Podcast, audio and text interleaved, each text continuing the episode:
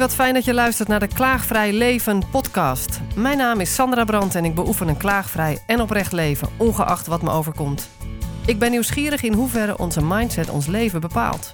Volg mijn zoektocht naar de antwoorden en ontmoet bijzondere gasten met een inspirerend verhaal in deze serie podcasts.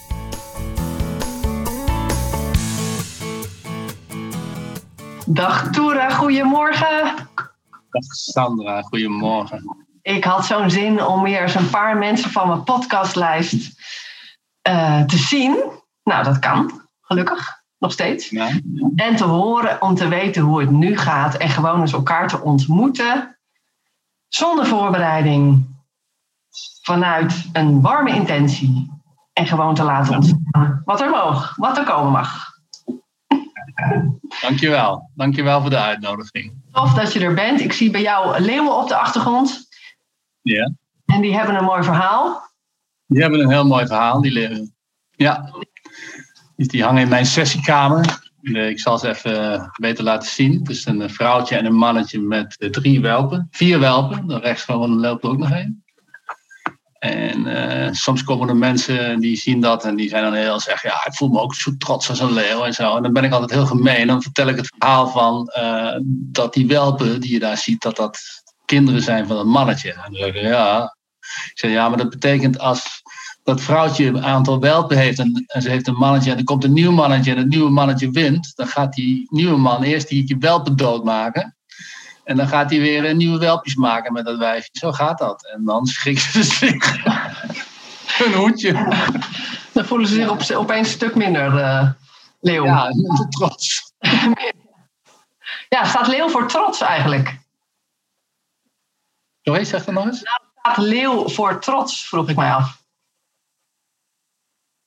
Ja, het is trots als een pauw eigenlijk. Hè? Ja, Maar leeuw staat wel voor kracht. Trots. Waarmee leeuw voel jij, staat voor kracht, hè? De koning, de koning van de jungle.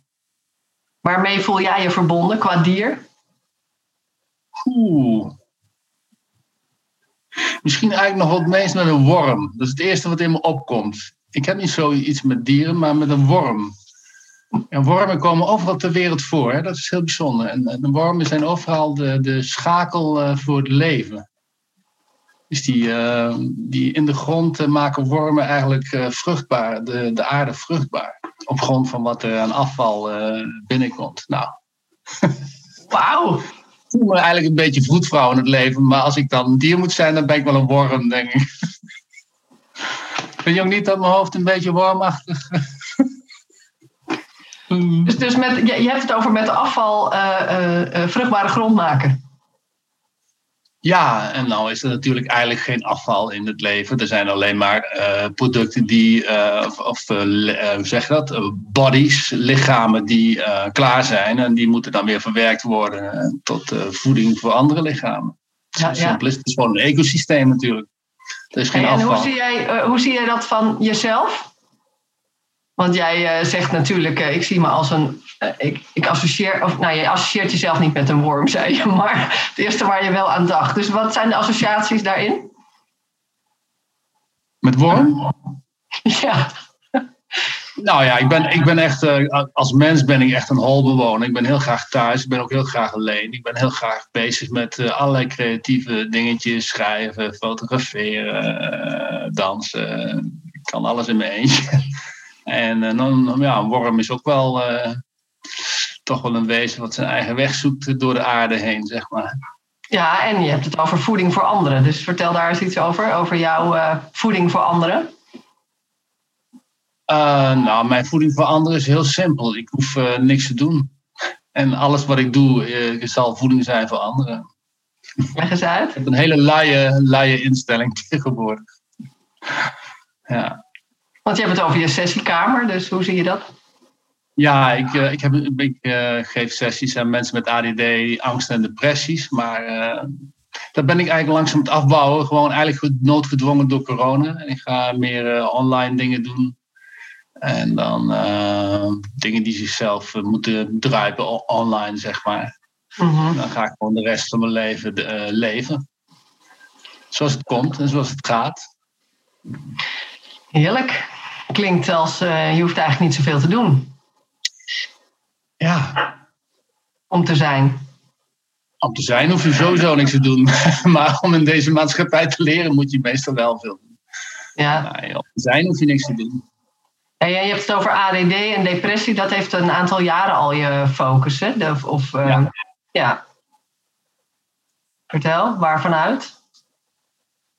Waarvanuit? Mm -hmm. Nou, ik ben zelf uh, lang depressief geweest. Ik heb daar uh, uiteindelijk, uh, denk wel 32 jaar mijn leven ben ik daarmee bezig geweest, zonder te weten dat ik dat was eigenlijk.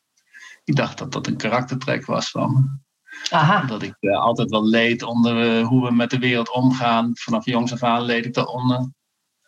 En ik heb, we hebben nu net weer die kerstbomenverzameling achter de rug. Dus zie al die kerstbomen op de, op de stoep liggen. En vroeger moest ik altijd huilen als ik die kerstbomen op de stoep lag, zag liggen. Die waren vroeger allemaal afgezaagd. Tegenwoordig zijn ze ook met pot.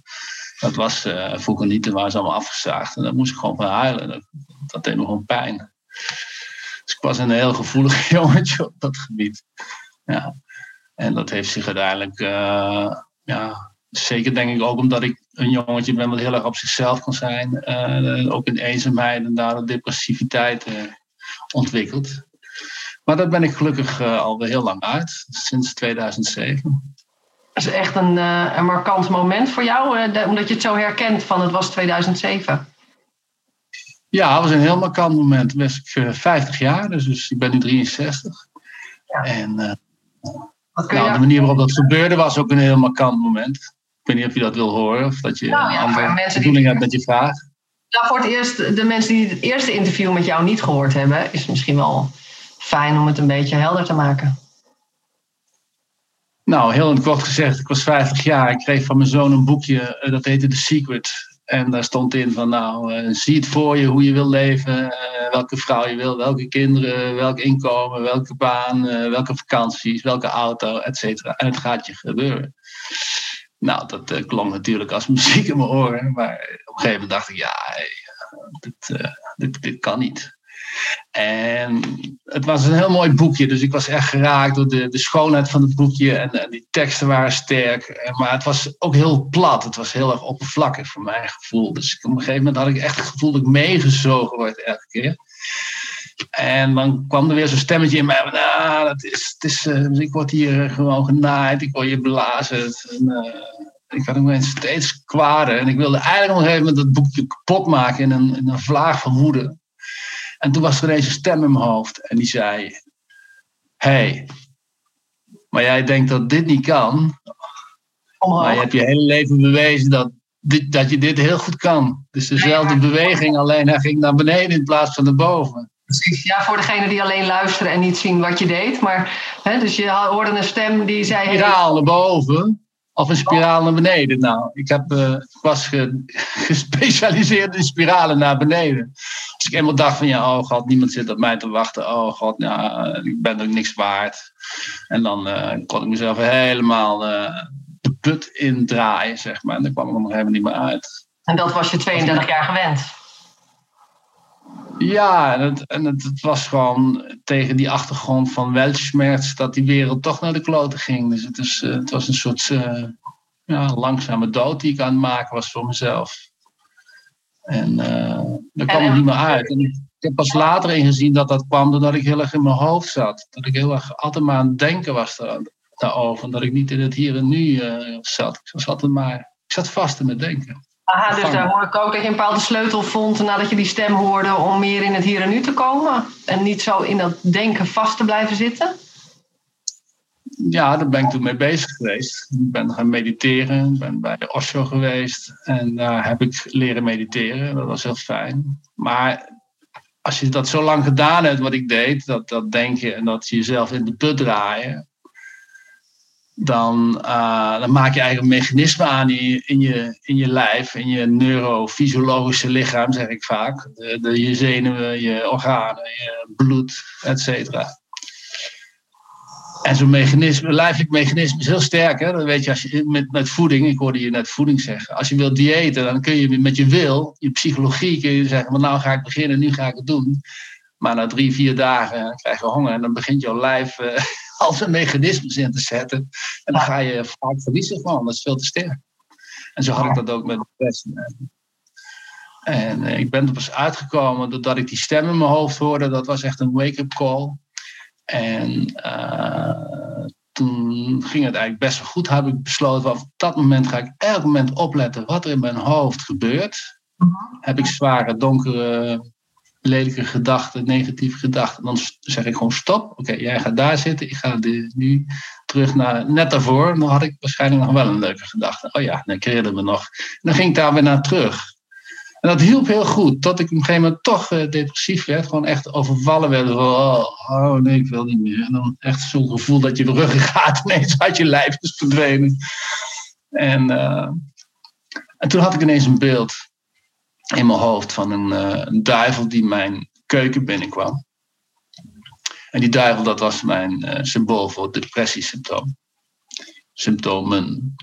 En ik hoorde mezelf tegen die duivel zeggen: Kom binnen neem een uh, plekje aan de tafel. Ik heb hele lekkere cappuccino gemaakt. Ik ga je er eentje geven. Geniet ervan.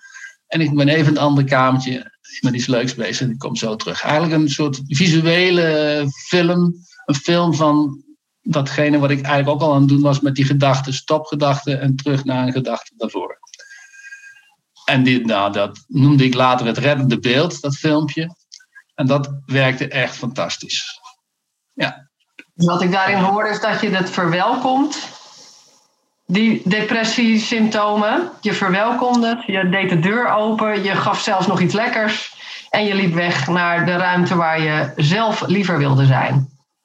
Ja, nou, de, de beste manier om depressie in stand te houden is om te vechten tegen de symptomen. Dat is de allerbeste manier.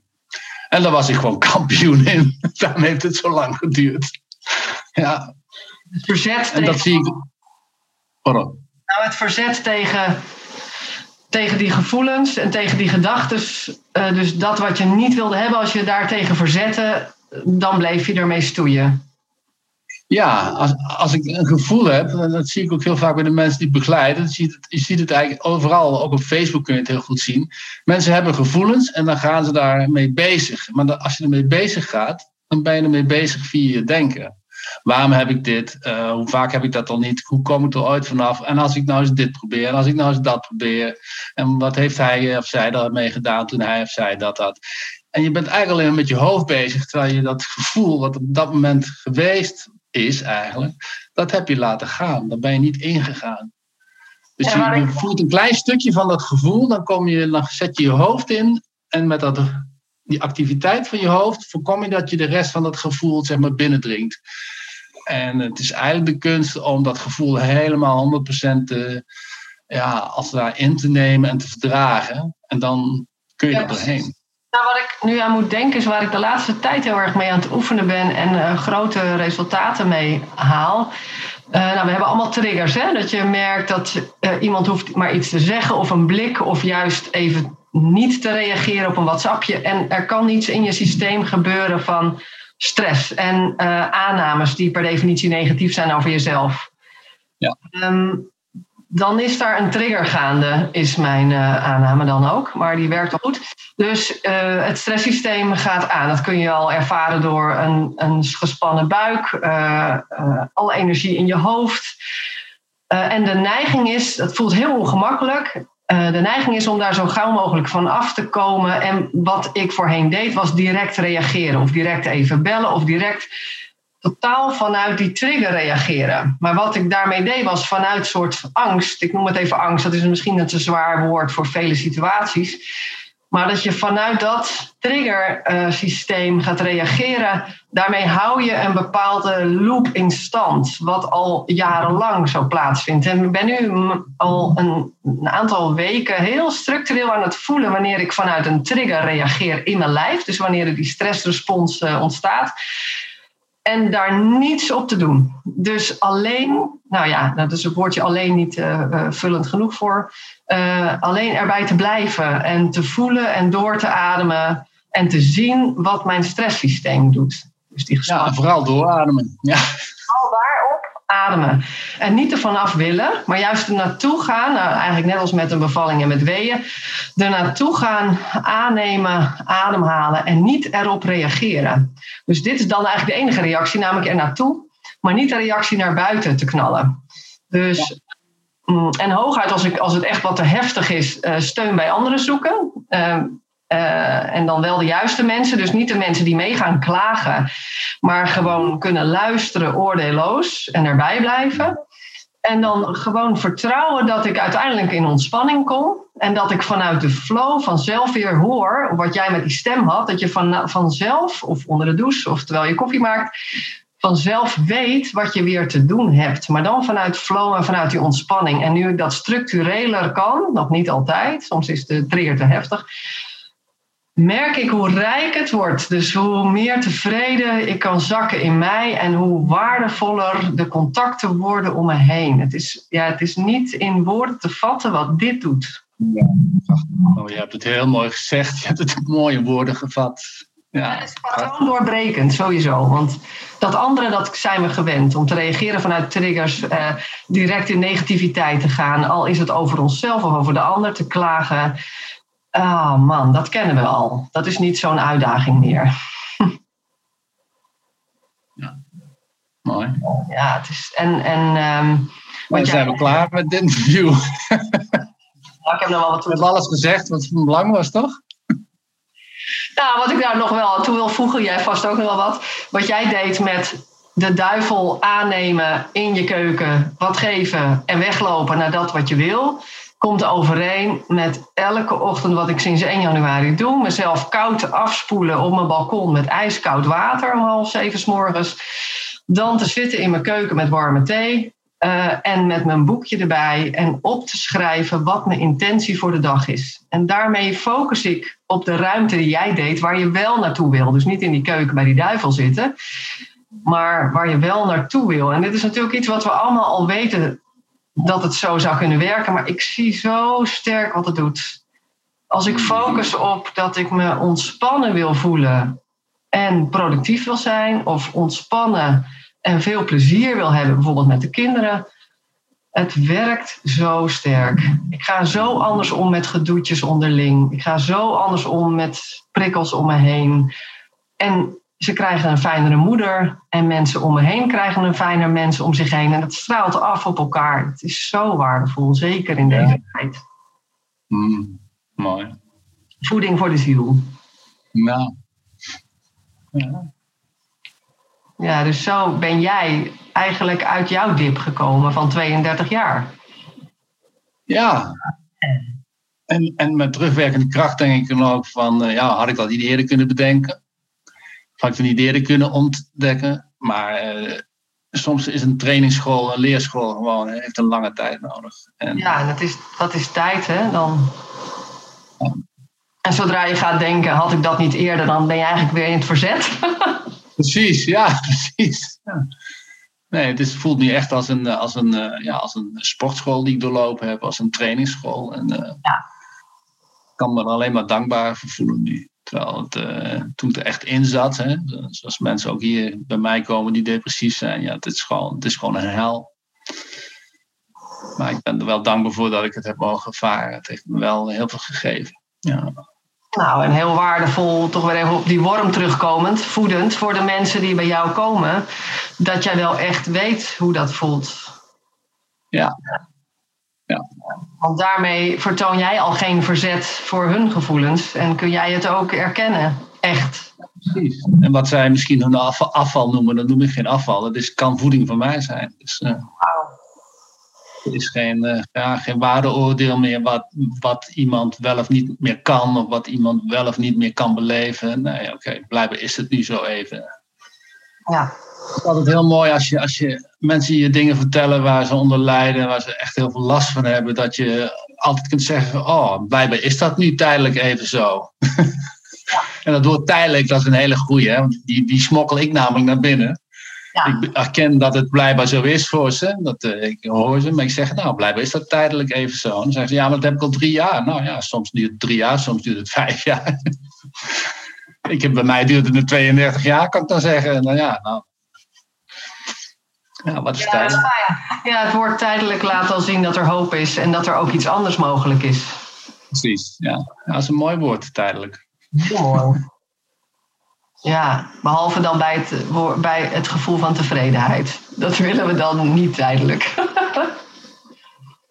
Ja, maar tevredenheid is het, is het gevolg van, uh, van niet meer vechten. Hè? Het is niet, je kunt tevredenheid niet kweken. Wat jij beschrijft van uh, je intentie en, je, en de douche die je neemt, dat zijn, uh, dat zijn natuurlijk dingen die je kweekt, die je doet. Maar uiteindelijk is het de, de innerlijke kracht die je hebt om te durven aanvaarden wat er is. Ja, oh ja. Dat brengt de tevredenheid met zich mee. Ja, wow. als je kunt ervaren wat er is, hoe kun je dan niet anders dan tevreden zijn? Ja, nee, prachtig. Ja, dat is, gaat voor mij hand in hand. Dus die, die koude douche en de intentie.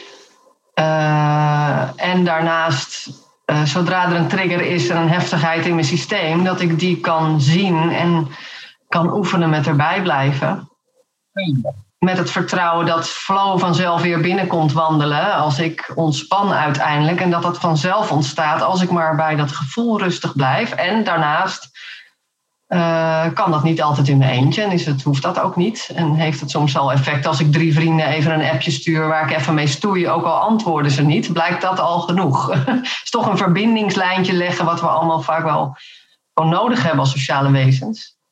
Ja.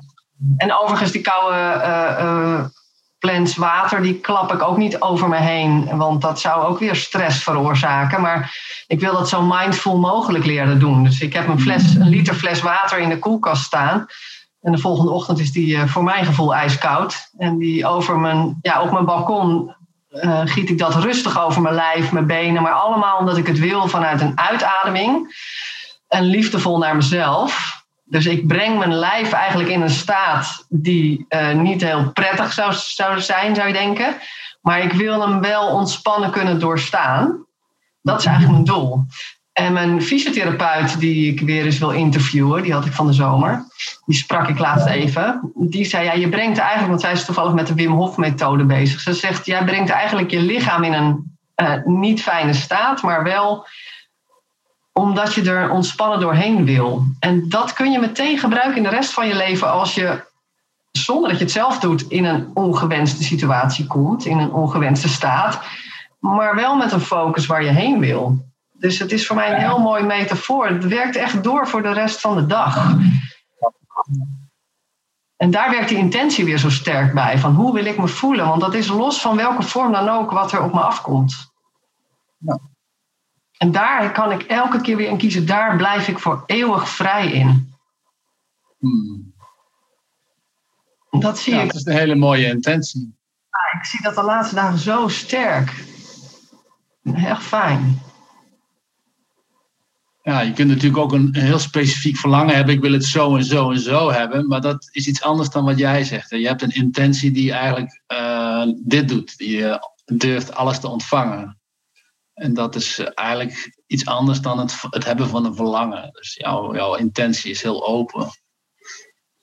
En Ja, dat, dat- brengt tevredenheid. Ja, het zit er meer op het gevoel en niet op de vorm. Dus eh, zoals vandaag heb ik een, eh, een warme, zachte buik als intentie. Vroeger vond ik dat heel zweverig. Maar nu weet ik ook met de kennis van het zenuwstelsel ja, hoe waar dat is. En hoe krachtig het ook is. Eh, en ja, dat kan ik elke keer oefenen, wat me ook overkomt vandaag. Weet je wel? Kan ik toch oefenen om daarin weer naar terug te gaan. Een zachte, warme buik. Ja, want Dat is leuk, hè? als je dat zegt, dan, dan ga ik dus meteen automatisch ook naar mijn buik toe. Van hoe warm en zacht is op dit moment mijn buik. Nou, die eh, is niet heel zacht, maar wel lekker warm. En eh, ja, het is een tevreden buik ook. Fijn. Ja, tof eigenlijk. Je hoort iemand erover spreken en je gaat het zelf ervaren. Ja, Nou, dat is wat woorden doen. echt de kracht van taal. Hè? Had jij niet een boek daarover geschreven? Ik heb daar een boek over geschreven, ja. En dat is een, eh, een boek over de, de taal die Milton Erickson, een psychiater, gebruikte om mensen eh, zeg maar in trance te brengen, om, zich, om de mensen dichter bij oplossingen te brengen die ze met hun hoofd niet meer konden bedenken. En hij vertelt ook altijd eh, de kracht van woorden. Als ik wil dat iemand over zijn moeder gaat vertellen, dan ga ik niet eh, zeggen van vertel eens wat over je moeder, want misschien zit daar van alles. En dan denken ze, oh, mijn moeder helpt, nee. Dus dan begint hij gewoon even over zijn eigen moeder wat te vertellen. En dan eh, vertelt hij weer wat anders. En, maar dan heeft hij het zaadje van moeder gelegd. En, tien minuten later begint de ander ook wat moeder te praten. Oh ja. Wat woorden doen. Hè? En dan meer vanuit een, een ontspannen situatie, wat de, wat de ander zelf graag wil vertellen, in plaats van als het zo concreet recht op de man afgevraagd wordt. Ja, hij zei ook altijd: vertel me alleen maar wat je als, aan een vreemde zoals ik kunt vertellen. En uh, de rest wat je niet wilt vertellen, verzwijg het maar. Ah. En, en, dan vertellen ze je bijna alles, zei hij. ja. En je als, je, als je mensen de keuze geeft om uh, dingen te mogen kiezen, maar ook dingen te mogen weigeren. Als je dus eigenlijk de ander de, uh, ook een soort openheid schenkt van je mag alles alles, ik kan je wel wat dingen vertellen, maar je mag het ook verwerpen. Dan krijgt de andere dit, dit aangeboden, die openheid. En dan kiest op een gegeven moment iemand, zeker als iemand iets mag afwijzen, kiest hij of zij ook iets. En heeft daarbij altijd het gevoel dat hij of zij zelf heeft gekozen. En dat, is, nou ja, dat, dat, is van waarde. Voor veiligheid, eh, denk ik ook. Ja, maar het heeft met, met waardigheid te maken dat je voelt dat je, dat je vanuit jezelf uh, je energie zich mag ontvouwen. Mooi. Ja, zeker mooi.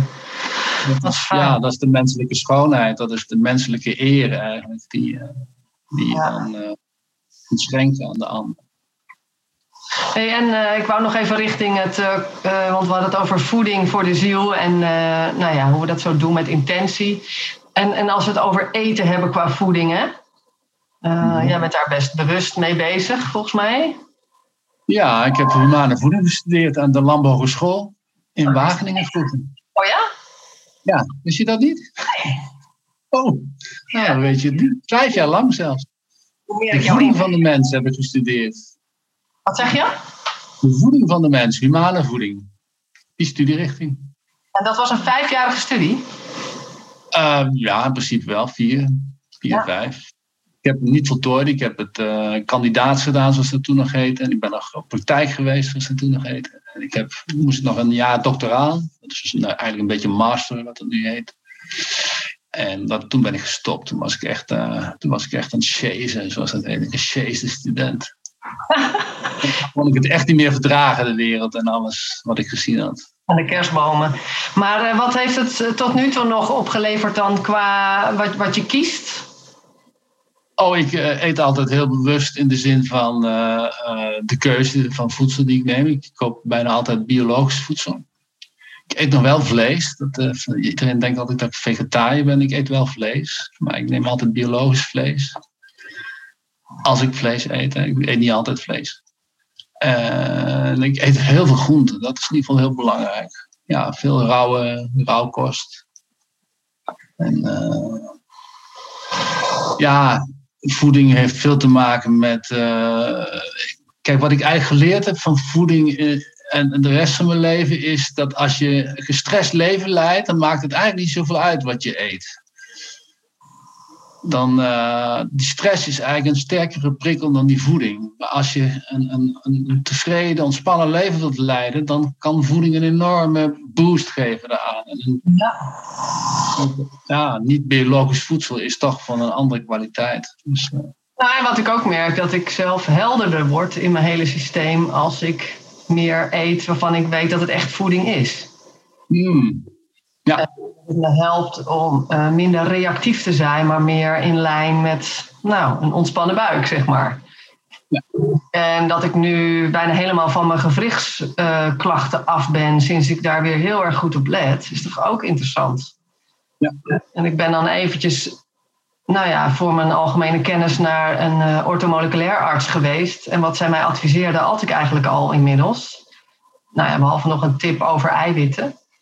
Uh, maar ja, de weken daarvoor had ik al gekozen om alleen nog maar te eten wat echt resoneerde in mijn lijf. Dus alleen maar dat te kopen ook. En dat is dus een overload aan groenten. En nou, nauwelijks meer deegwaren. Ik eet geen brood meer.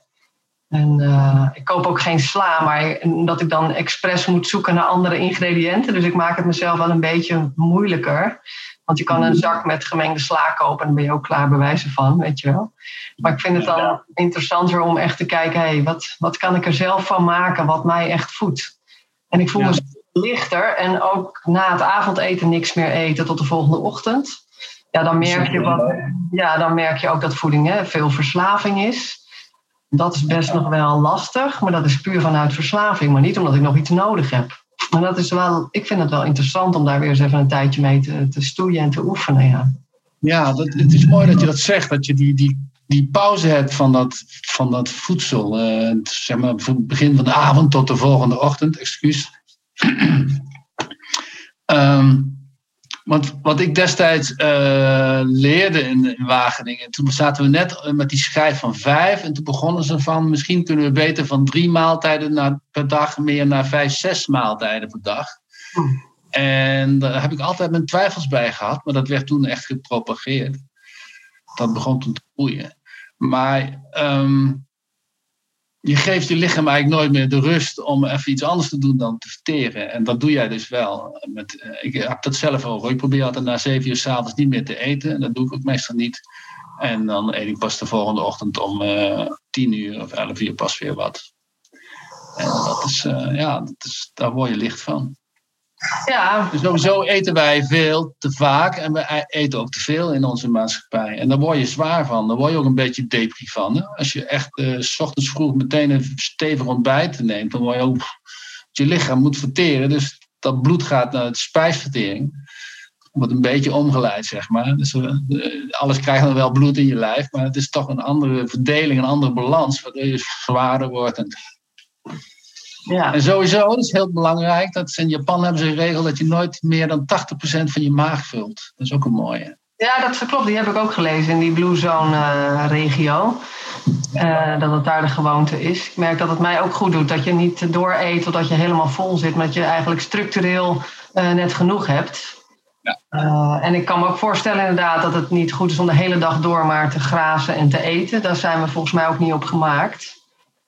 Uh, en ja, ik kan het niet beoordelen voor een ander. Uh, ik denk wel dat het uh, voor iedereen goed is om te voelen wat is nou eigenlijk echt goed en voedend voor mij. En wat doe ik vanuit een verslavende kant, zeg maar. Ja. En dat kun je, want net stelde iemand op social media mij een vraag, maar hoe weet je dan dat het resoneert in je lijf? Hmm. Ja, leg dat maar eens uit. Dat is voor mij echt wel een, een scheiding tussen wat ik eigenlijk wel weet wat beter voor me zou zijn. Als ik, dat, dat, dat word je eigenlijk, daar weet ik het eigenlijk al. ja. Dat is toch zuivel bijna niet, uh, tarwe bijna niet. En een overload aan heel veel verschillende groenten. Uh, nou ja, van die ortomoleculair arts hoor ik dan dat mijn type, vooral in deze periode van het, van het jaar, alles warm zou moeten eten en drinken. En ik merk, ik doe het maar. En nu is voor de, om eens te ervaren. Dat voelt ontzettend goed. Ja, dan doe ik dat. En inderdaad niet tussendoor maar blijven eten. Echt te voelen, doe ik dit nou? Vanuit welke, van welke, in, vanuit welke impuls zou ik nu iets eten? Is dat om mezelf gerust te stellen, omdat ik me een beetje gestrest voel? Of is het vanuit echt voeding? Ja, het is mooi wat je zegt, dat resoneren. Dan zul je even gewoon moeten voelen. Je moet bij wijze van spreken gewoon datgene dat je wil eten even in je hand houden. En gewoon voelen van, als dit naar binnen gaat, dan uh, wat gebeurt er dan? Als je, als je daarop leert afstemmen, dan voel je echt dat je voelt van ja, nee, dit, dit, dit is heel aantrekkelijk en ik lust het heel graag, maar dit is niet wat mijn lichaam vraagt. Nee, precies. En soms heeft dat even tijd nodig als je dat niet gewend bent. Want we zijn zo gewend om via wat wij denken dat we willen eten, gaan eten. Maar ja, je lichaam is echt wel uh, helder uh, in wat het wil en wat het niet wil. Nou, en daarbij is het ook al slim om vooraf te bedenken en te voelen uh, welk tijdstip, als je hiermee begint, zeg maar, om dat eens te testen, uh, op welk moment van de dag je dan naar die winkel gaat. ja, nooit met lege maag naar de winkel. Hè? Zoals in een middag, dan ben ik ook wat bevattelijker voor de snaaidingen. Maar als ik het s'morgens doe, dan uh, om een uur of negen, half tien ja, dan kies ik veel makkelijker wat resoneert dan als ik om een uur of vier ga, zeg maar. Ja, en dat heeft echt, als ik dat drie dagen consequent doe, dus je hoeft helemaal niet te denken, oh dan moet ik dat weken doen voordat ik effect heb, maar als ik dat drie dagen even consequent doe, dan is het zo makkelijk om het daarna wat langer weer vol te houden. Ja, dus snel... heb je zo'n dag tussendoor dat je denkt van nou, nu wil ik alleen maar snoep hebben. Nou, doe maar dan. En dan voel je ook het verschil. Dan voel je na zo'n dag voel je echt het verschil tussen die drie dagen die jij noemt en die snoepdag. Nou ja, en in combinatie. En in combinatie Nou, in combinatie met bewegen buiten, dus ruim een uur wandelen doe ik wel elke dag. En, en de voeding met contacten met mensen, met wie wil je omgaan. En hè, de- heb je elke keer last van die stemmetjes die zeggen, nou, ze zitten niet op je te wachten. Eh, of ga je daar langs en spreek je ze af? Hè? Of, of eh, bel je eens iemand op, in plaats van dat je alsmaar luistert naar die stemmetjes van, nou, eh, in negatieve zin. Dus dat je toch elke keer weer focust op, ja, voeding, voeding. En niet alleen voor jezelf, maar gewoon voor de connectie ook met elkaar. En als je zegt eh, met wie wil ik, eh, wie wil ik ontmoeten, met wie, wie wil ik contact hebben. Ik ben daar zelf natuurlijk, omdat ik zo'n holbewoner ben, eh, ben ik spaarzaam met mijn contacten eigenlijk. Dus ik, ik ga ook niet snel, rijk niet snel uit. Maar ik heb wel geleerd als ik in contact kom met mensen om wie het dan ook is te ontmoeten. En als het me niet lukt, soms heb ik wel eens iets van een beetje dit, weet je wel. Dan heb ik voor mezelf altijd eh, het, het spelletje van dat ik me voorstel dat die persoon een baby is geweest. En dan ineens kan ik ergens bij waar ik anders niet bij kan, zeg maar. Dan ineens kan ik voelen van, oh ja, deze persoon heeft ook zo'n weg afgelegd, net als ik. Het is een andere weg, maar het is ook een weg met eh, eh, bergen en dalen en eh, voorspoed en tegenslag. En dan ineens zie je door, door dat gezicht wat voor je staat, zie je, zie je het, het hart wat we allemaal zijn. Ja, dus hier zie ik jou weer een move maken van verzet naar verbinding. Ja. Ja, en soms is het ook gewoon verzet. Ik bedoel, eh, mensen hebben allemaal energieën bij ons, wij zelf ook. En dat trekt aan of het stoot af, een van die twee. Ja, heeft ook zijn functie, ja. Ja, Ik absoluut. vind het fijn. Ik vind het een fijn gesprek. En het voelt ook als voldoende om dit weer even te laten bezinken en eh, te processen. Nou, Wat wil jij nog toevoegen? Of wil je nog iets toevoegen? Voor mensen die jou Eh. willen vinden, waar is jouw boek te vinden? Eh, mijn boek over depressie is op mijn site te vinden, depressiestoppen.nl. En eh, mijn boek over taalkracht is op eh, bol.com te vinden. En ik ben, eh, misschien is het nog even leuk, bezig met een nieuw boek. Ik heb nu een ISBN-nummer, dus ik kan het ook even, hoe zeg je dat? Ehm, laten zien, de titel, want die is nog geheim. Dus je hebt een primeur. Wauw. Dus dat is een spiegelbeeld. Ja, het gaat. Mag ik het hardop zeggen? Ja. Een fijne dag toegewenst. Het is een nieuwe. Ja, plus 365 andere in, eh, prikkelende spreuken. Ah. Ja. Er staat hier nog een andere subtitel, maar dat is nog, een- dit is nog een proefexemplaar. Het is helemaal full color. En er staan per pagina's eh, een aantal spreuken. Het zijn allemaal wolken die ik gefotografeerd heb en die ik twee keer gespiegeld heb tot een totaalbeeld. Dus je kan hem gewoon openslaan en gewoon eens even een spreuk lezen om te laten bezinken voor die dag. Ja, en lang. welke, eh, welke is jouw eh, geboortedatum bekend, openbaar? 1908. 1908, dat is 19 augustus. Dan ga ik even bij 19 augustus kijken. Misschien wel een mooie afsluiter dan. 19 augustus. Gebruik jij je dagelijkse beschikbare energie om iets op te bouwen of om iets af te breken? Wauw. Ik neem hem mee voor vandaag met die warme zachte buik. Dankjewel, Tura. Dank jou. Ik heb genoten ook, dank je wel.